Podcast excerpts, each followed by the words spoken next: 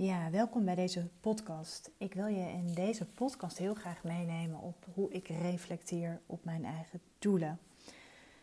En hoe ik deze podcast ga opbouwen is uh, eigenlijk tweeledig.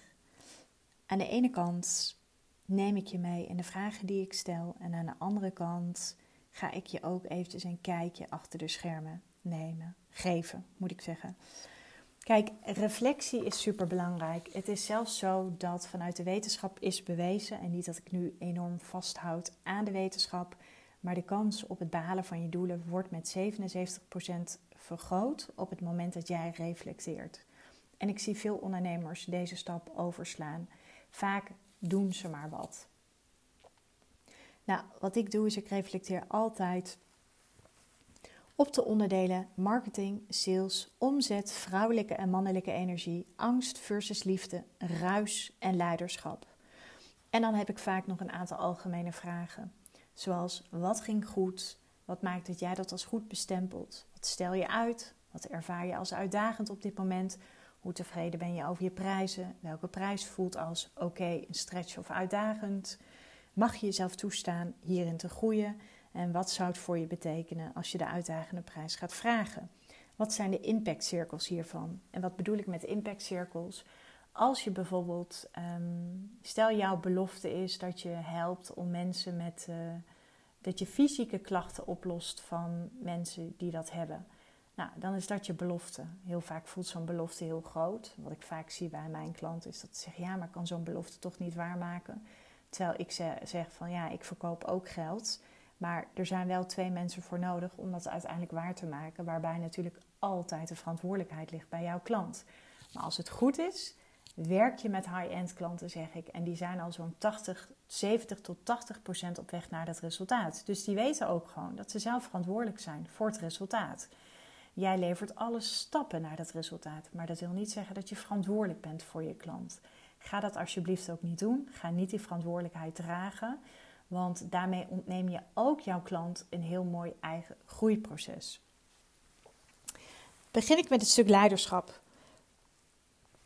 Ik kijk heel erg uh, bij mezelf naar het stuk leiderschap. Dus dat betekent dat ik ook reflecteer op: geef ik mijn klant ook echt wat mijn klant het allerbeste nodig heeft? En dat gaat voorbij het gevoel van aardig gevonden willen worden, uh, het altijd goed willen doen, Ehm, heel veel van je klant gaan dragen. Dat gaat je allemaal niet helpen. Betekent soms ook gewoon dat je streng mag zijn. Ik heb ook wel eens klanten die vragen om tips en tricks. En dan zeg ik ook altijd: ik kan niet zoveel met deze vraag. Of dat ze zeggen van wil je even kijken naar dit stuk tekst? Wat is jouw visie hierop? En dan zeg ik ook altijd: zou je iets concreter willen zijn? Waar wil je precies waar ik naar kijk? Wat bedoel je precies? Heb je het over taalgebruik? Heb je het over of het voldoende triggert? Ehm, dus, dus wees concreet. Vaak komen we niet verder of lopen we vast omdat we aan de oppervlakte blijven hangen. En dat is op iedere laag. Dat is vaak in onze marketing zitten we vaak te veel op aan de oppervlakte. En dan krijg je heel snel dat je gaat strooien met de regie over je leven, in je kracht. Uh, ik help je om niet meer alle ballen in de lucht te houden. Maar dat is hele oppervlakkige taal. Maar vaak doen we dat ook in ons eigen reflectie. Vaak doen we dat ook in het vragen of in het uitreiken naar bijvoorbeeld onze eigen coach. Dus ik ben altijd heel erg voorstander van zoek die gelaagdheid op in alles. Nou, en dat betekent ook dat je daarin ook naar je klant toe eerlijk mag zijn. Dus als ik even terugga naar het thema leiderschap, dan kijk ik ook heel vaak naar: oké, wat kan ik nu beter doen? Hoe kan ik mijn klanten nog beter helpen? En dat betekent dat ik bijvoorbeeld heel goed kijk naar: zijn de doelen voor mijn klanten nog wel heel duidelijk? Hoe kan ik ze accountable houden? Weet mijn klant ook welke acties ze moet doen? Houden ze het ook voldoende bij? Want ik zeg altijd: als ik niet weet waar je mee bezig bent, als ik niet kan zien wat je inspanningen zijn, dan kan ik ook niet samen met jou gaan bijsturen. Dan kunnen we ook niet zien of deze strategie werkt. Dus het klinkt een beetje misschien kinderachtig, maar ik vind het heel fijn als klanten een soort van rapporteren aan mij. En zie dat gewoon als een stukje accountability. Soms heb je dat gewoon nodig, want het is we hebben allemaal die blind spots. En het is heel gemakkelijk om soms lekker eventjes veilig aan je website teksten te gaan sleutelen. Terwijl je op dat moment toch iets anders te doen hebt. Omdat er gewoon cashflow moet binnenkomen. Of omdat je inderdaad ook gewoon weet dat je met jouw aanbod jouw klant heel goed kan helpen. Maar het kan ook zijn dat je onvoldoende waarneemt. Um, of dat je onvoldoende je klant spiegelt. Omdat je toch niet helemaal durft te zeggen van... hé, hey, ik zie je nu dit en dit doen... terwijl je dat en dat veel beter zou kunnen doen. Uh, waar zit het hem nog meer in? Kijk ook gewoon heel eerlijk naar het betalingsgedrag van je klanten. Is ook belangrijk om je klant daar ook in te spiegelen. Want natuurlijk gaat er wel eens iets mis, of het kan echt wel eens een keer voorkomen dat een klant misschien uh, je factuur heeft gemist, of dat het ergens niet goed is gegaan met de account. En er zijn allerlei redenen. Ga dat ook nooit veroordelen. Maar ik zeg altijd: high-end klanten vertonen wel goed betalingsgedrag. High-end klanten zijn ook klanten die echt goed geholpen willen worden. Dus dat zijn ook klanten. En ik ben natuurlijk nu nog steeds bij het stuk thema leiderschap. Dat zijn klanten die ehm, kunnen het ook aan als jij eerlijk bent naar ze. Als je er niet omheen draait. Want het zijn allemaal klanten die ook, net als jij, hele goede resultaten willen behalen. Het zijn ook klanten die al ooit eerder geïnvesteerd hebben. Dus dat betekent dat zij ook wel snappen dat het financiële commitment wat zij met jou zijn aangegaan, ja, dat het ook een soort van stok achter de deur is. Het zijn ook klanten die jouw grenzen heel erg respecteren. Dus als je het even hebt over resultaten behalen, uh, werken met klanten die al geïnvesteerd hebben, klanten die openstaan, die goed feedback kunnen ontvangen, zonder dat er iets ontstaat in de onderstroom en ze dat op jou gaan projecteren. Ehm, klanten met goed betalingsgedrag, klanten die jouw grenzen respecteren. Dat vraagt allemaal iets van jouw leiderschapskills. Dus ik probeer altijd heel erg voor mezelf te kijken: oké, hoe staat het met mijn klanten op dit moment? En als dat niet zo lekker loopt, wat zegt dat dan over mij als leider? Waar kan ik de touwtjes nog wat strakker aantrekken? Ehm, ben ik ook niet te veel bezig met aardig gevonden te willen worden? Nou, dat soort dingen. Zo heb ik zelf ook gereflecteerd op mijn afgelopen live dagen. Een van de thema's die ik nog meer heb, is de vrouwelijke versus de mannelijke energie. En ik merkte gewoon dat ik de afgelopen drie maanden zelf best wel veel in mijn mannelijke energie heb, heb gezeten. En dat vertaalde zich ook wel terug in die live dagen. Ik merkte ook dat het heel veel hoofdwerk was, terwijl er ook best wel wat behoefte was aan wat hart- en wat lichaamswerk. Nou, weet je, dat is voor mij gewoon fantastisch. En ik zoek natuurlijk ook ergens, zoek je ook in ehm, kijken wat je klanten nodig hebt, maar ondertussen ook heel dicht bij jezelf blijven en trouw blijven aan jezelf. Want ja, het is natuurlijk ergens ook misschien heel gek als ik, ik zit natuurlijk wat meer op strategie en op positionering. Ik doe dat wel heel, heel erg vanuit die vrouwelijke touch. Maar het is niet zo dat die twee live dagen helemaal in het teken zouden staan van meditatie, omdat mijn klanten dat heel graag zouden willen. Dus dat is zeg maar wat ik bedoel met ehm, kijken wat je klant, wat je groep nodig heeft en heel dicht bij jezelf blijven. En dat is soms laveren tussen um, empathisch zijn en ook trouw blijven aan je eigen waarden. Dus dat was voor mij een mooi inzicht. Ik merkte zelf ook dat ik na de live dagen toch best wel moe was. Uh, dat ik ook aan mezelf voelde dat ik veel gegeven had dat ik in de voorbereiding de dingen anders had kunnen doen. Dat ik toch nog meer had kunnen uitbesteden. Dat ik bijvoorbeeld toch ook mijn eigen VA op locatie had kunnen meenemen. Uh, ik merkte ook dat ik mezelf misschien tijdens de lunchpauzes wat meer had mogen terugtrekken. Om ook eventjes weer op te laden. Om uh, voor mezelf ook even stilte moment in te bouwen. Want het is natuurlijk zo dat je je draagt op die momenten draag je een groep. En tegelijkertijd ben je bezig met doorbraken aan het realiseren. Er vallen tranen, er zijn inzichten, er is weerstand. Dus in die onderstroom gebeurt er heel veel. Plus je hebt ook nog eens te maken met de dynamiek van zo'n groep. Dus ik ben ook wel blij dat ik even heb kunnen reflecteren.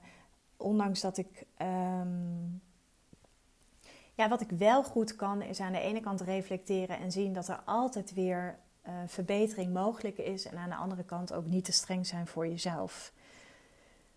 Ehm, wat doe ik nog meer aan reflectie? Ik kijk naar mijn marketing. Nou, als ik bijvoorbeeld kijk naar mijn marketing van de afgelopen tijd, zie ik dat die toch nog wel iets meer toegespitst mag zijn op mijn ideale klant. En ik zeg altijd: mijn ideale klanten lijken op mij, hebben een hoog ambitieniveau, willen snel implementeren. Tijd is nog belangrijker dan geld. Het zijn ook allemaal klanten die investeringsbereid zijn. Het zijn klanten die niet meer zo vastzitten in hele psychologische blokkades. Die hebben al best wel veel inner work gedaan. Ehm, want dat zijn vaak ook klanten die hebben niet zo heel veel overtuigingskracht nodig. Maar wat ik wel zie in mijn marketing is dat ik de afgelopen, uh, het afgelopen kwartaal heb ik wel iets te veel niet gekwalificeerde leads aangetrokken. En dat heeft gewoon heel simpel te maken met het feit dat mijn sales funnel op dit moment niet op orde is. Sterker nog, mijn website staat op dit moment under construction. Nu word ik daar niet zo, nu lig ik daar geen seconde van wakker, want weet je, 20 jaar geleden hadden ze ook nog geen website. Maar aan de andere kant is het wel iets wat nu uh, soms wel wat energie kost. Het zit wel veel in mijn hoofd en het is iets wat ik aan het uitstellen ben. En ik weet ook gewoon, zelfs als ik zelf klanten heb geselecteerd om met mij in gesprek te gaan, is het altijd wijs om je klanten eventjes te wijzen naar een hele goede sales funnel. Oftewel een goede vragenlijst die ze mogen doorlopen, waarbij jij uiteindelijk een hele goede selectie kunt maken. Dus je kunt heel goed het kaf van het koren gaan scheiden. Nou, op het moment dat je dat niet hebt, ga je met veel mensen in gesprek. Maar dan loop je gewoon het risico dat je ook je tijd besteedt aan niet gekwalificeerde leads. En ehm, ik heb daar geen oordeel over, maar ik heb de laatste tijd iets te vaak gehoord gekregen dat er, veel, dat er een groot bezwaar zit op het geldstuk. Terwijl high-end klanten zijn klanten die hebben al eerder geïnvesteerd. Dat zijn klanten die snappen dat, ehm, ja, dat het gewoon vraagt om een investering. En hoe ze aan dat geld komen, dat is niet aan jou. Dat is ook niet jouw verantwoordelijkheid. En ook niet of ze jou wel of niet kunnen betalen. Maar het is wel fijn om te weten dat ze betalingsbereid zijn. En dat ze ook voelen dat, die, dat dat financiële commitment heel erg komt vanuit eigen verantwoordelijkheid. En dat ze dat ook gewoon snappen. En het is vaak, uh, ja, je, je tijd is gewoon veel te kostbaar als je met veel mensen in gesprek gaat gaat die um, ja, toch nog wel wat bezwaren hebben op dat stuk geld. Nou, dat kun je voorkomen door gewoon een hele goede sales funnel te hebben, maar ook je marketing en je copy nog meer toe te spitsen op ideale klanten. Ik kijk bijvoorbeeld ook naar het stuk omzet. Nou, mijn omzet loopt gewoon hartstikke mooi op koers. Daar ben ik hartstikke dankbaar voor. Ik heb recent wel besloten om mijn prijzen te verhogen. Waarom heb ik besloten om mijn prijzen te verhogen? Omdat die oude prijs die ik had, die paste niet meer bij de floor. Ik heb zelf een enorme groei doorgemaakt. Mijn waarde is toegenomen. Mijn klanten halen mooie resultaten. En dat mag zich vertalen in een prijs. Dus ik maak altijd voor mezelf eigenlijk drie prijzen. Een prijs die heel oké voelt. Een prijs die een beetje voelt als een stretch. En een prijs die voelt als uitdagend. Nou, die ga ik dan ownen. En op het moment dat ik hem echt kan belichamen, weet ik dat dat ook gewoon de juiste prijs is. Plus, soms kijk je ook een beetje naar wat, wat je concurrenten doen. En ik heb zelfs recent van één klant teruggekregen en die had uiteindelijk besloten om niet in mijn traject in te stappen. En het was echt mijn ideale klant. Daar ben ik gewoon heel open en eerlijk over. En ze zei: Ik vind je prijs echt aan de lage kant. En toen dacht ik: Oké, dit is een fantastisch mooi signaal. Dus ik omarm het dan ook. Dus in plaats van dat ik helemaal treurig zou kunnen zijn over die nee, denk ik: Nee, wat een hartstikke mooie, waardevolle feedback. Dus die omzet die loopt op koers. Nou, wat ik dus nog meer doe, is ik kijk heel erg naar de vrouwelijke en de mannelijke energie. Maar ik kijk ook naar mijn kapstok van sporten, uh, selfcare. Uh, heb ik voldoende tijd besteed aan slapen, ik merk gewoon dat slapen mij de, het uh, afgelopen kwartaal toch wel een beetje onrustig is geweest. Ook omdat ik natuurlijk uit best wel een life-changing situatie kom. Ik moet wel zeggen, sinds ik mijn huis heb, heb ik veel meer innerlijke rust gekregen. Maar je energie is uiteindelijk key. En het gaat helemaal niet zozeer om het stuk communicatie. Het gaat helemaal niet zozeer om je strategie of je mindset. Maar jouw energie. Dat hoe jij jezelf van binnen voedt met verhalen, met allerlei overtuigingen, maar ook met de energie van je huis, met de energie wat allemaal speelt in je privéleven. Ja, daarom zeg ik altijd, je bent kennisondernemer, dus zorg jouw prio moet gewoon in eerste instantie jezelf zijn. Dus maak van jezelf, maak van je eigen energie prio 1. Nou, en dat doe ik door heel erg goed te kijken naar de mannelijke en de vrouwelijke energie. Nou, ik heb heel veel mannelijke energie, dus ik heb veel daadkracht. Dat helpt me ook heel erg door snel te implementeren in mijn bedrijf. En ik merk gewoon dat ik de afgelopen uh, het afgelopen kwartaal heb ik iets te weinig tijd besteed aan mijn vrouwelijke energie. Dus ik heb, zat iets te veel in mijn hoofd en iets te weinig in mijn lichaam.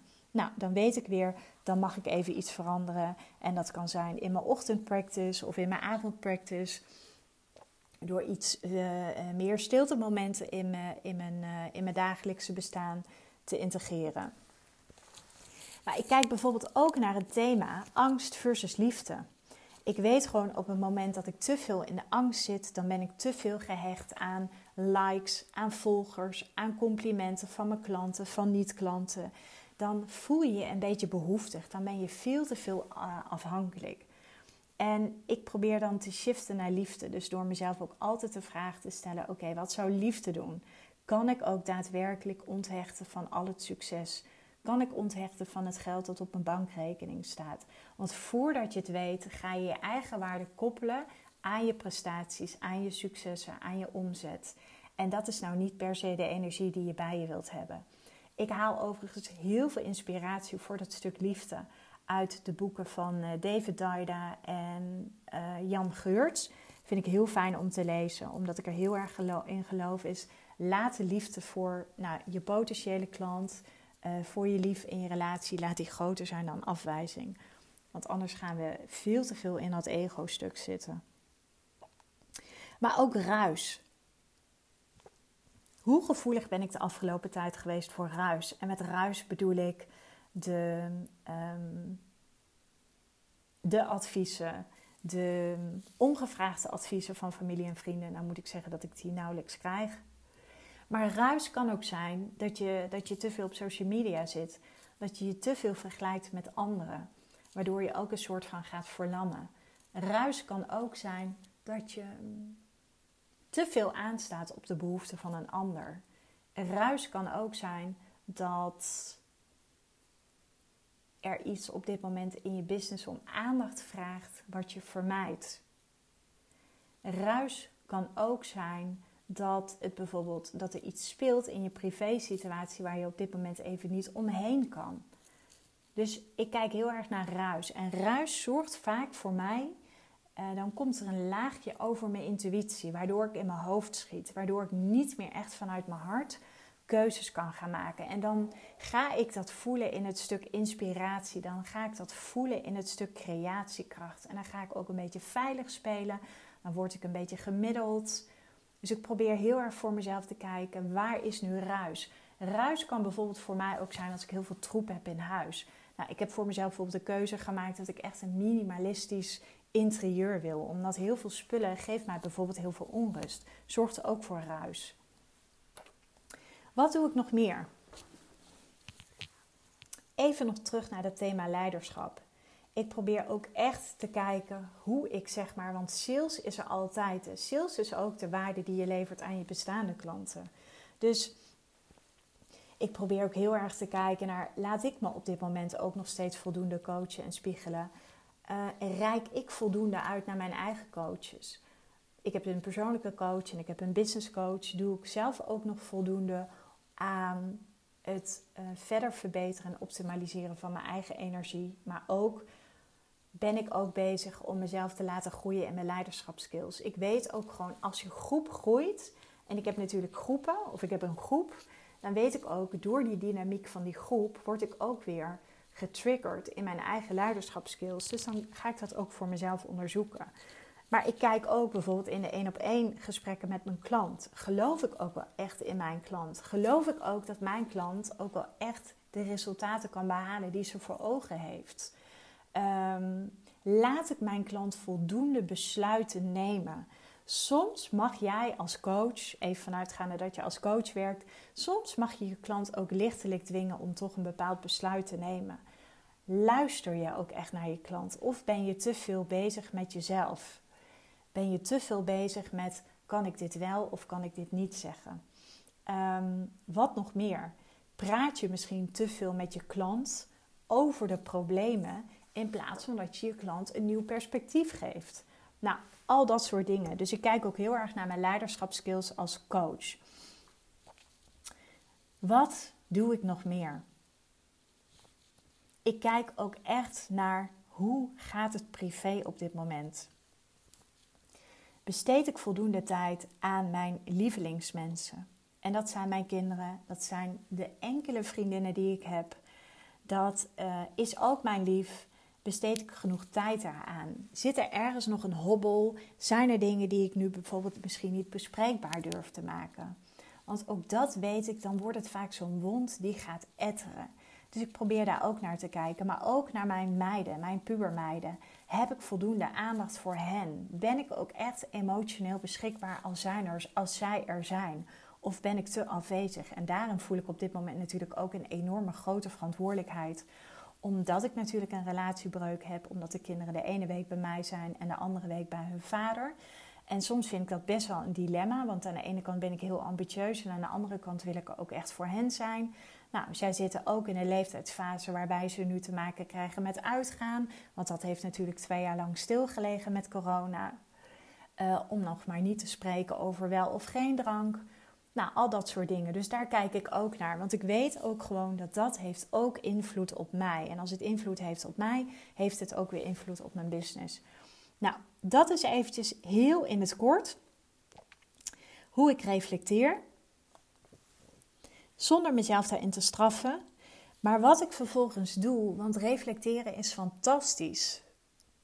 Maar hoe ga je dat nu cultiveren voor de rest van het jaar? Dus ik kijk bijvoorbeeld op een gegeven moment ook, oké, dit heb ik nu te doen. Nou, voor mij is dat nu bijvoorbeeld zorgen dat die website zo snel mogelijk weer online komt. Zorgen voor een ijzersterke funnel. Nog beter te worden in mijn copy en in mijn marketing. Nog steviger kijken naar mijn push- en mijn pull-strategie. En als je klant bij mij wordt, dan ga ik je helemaal uitleggen wat dat betekent. Dus dat soort thema's. En ook weer eventjes heel spits zijn op als ik ga uitreiken naar mijn coach, welke vragen ga ik stellen? Wat maakt dat ik deze vraag stel? Hoe ga ik de, hoe ga ik de vraag formuleren? Maar ik kijk bijvoorbeeld ook naar um, hoe kan ik verder mijn netwerk vergroten? Wat kan ik de komende tijd doen aan interessante events waar ik naartoe kan gaan? Want ik hou zelf heel erg van netwerken. Niet alleen maar online, maar ik ga ook vaker naar offline events, omdat ik ook weet dat daar ook altijd weer je potentiële klant rondloopt. Dus dat is wat ik doe. Ik zou zeggen, joh, wil je hier iets over weten? Uh, wil je iets met me delen? Heb je misschien nog een vraag? Voel je vrij en rijk uit naar mij. Ik wil je in ieder geval super bedanken voor het luisteren naar deze podcast en tot later.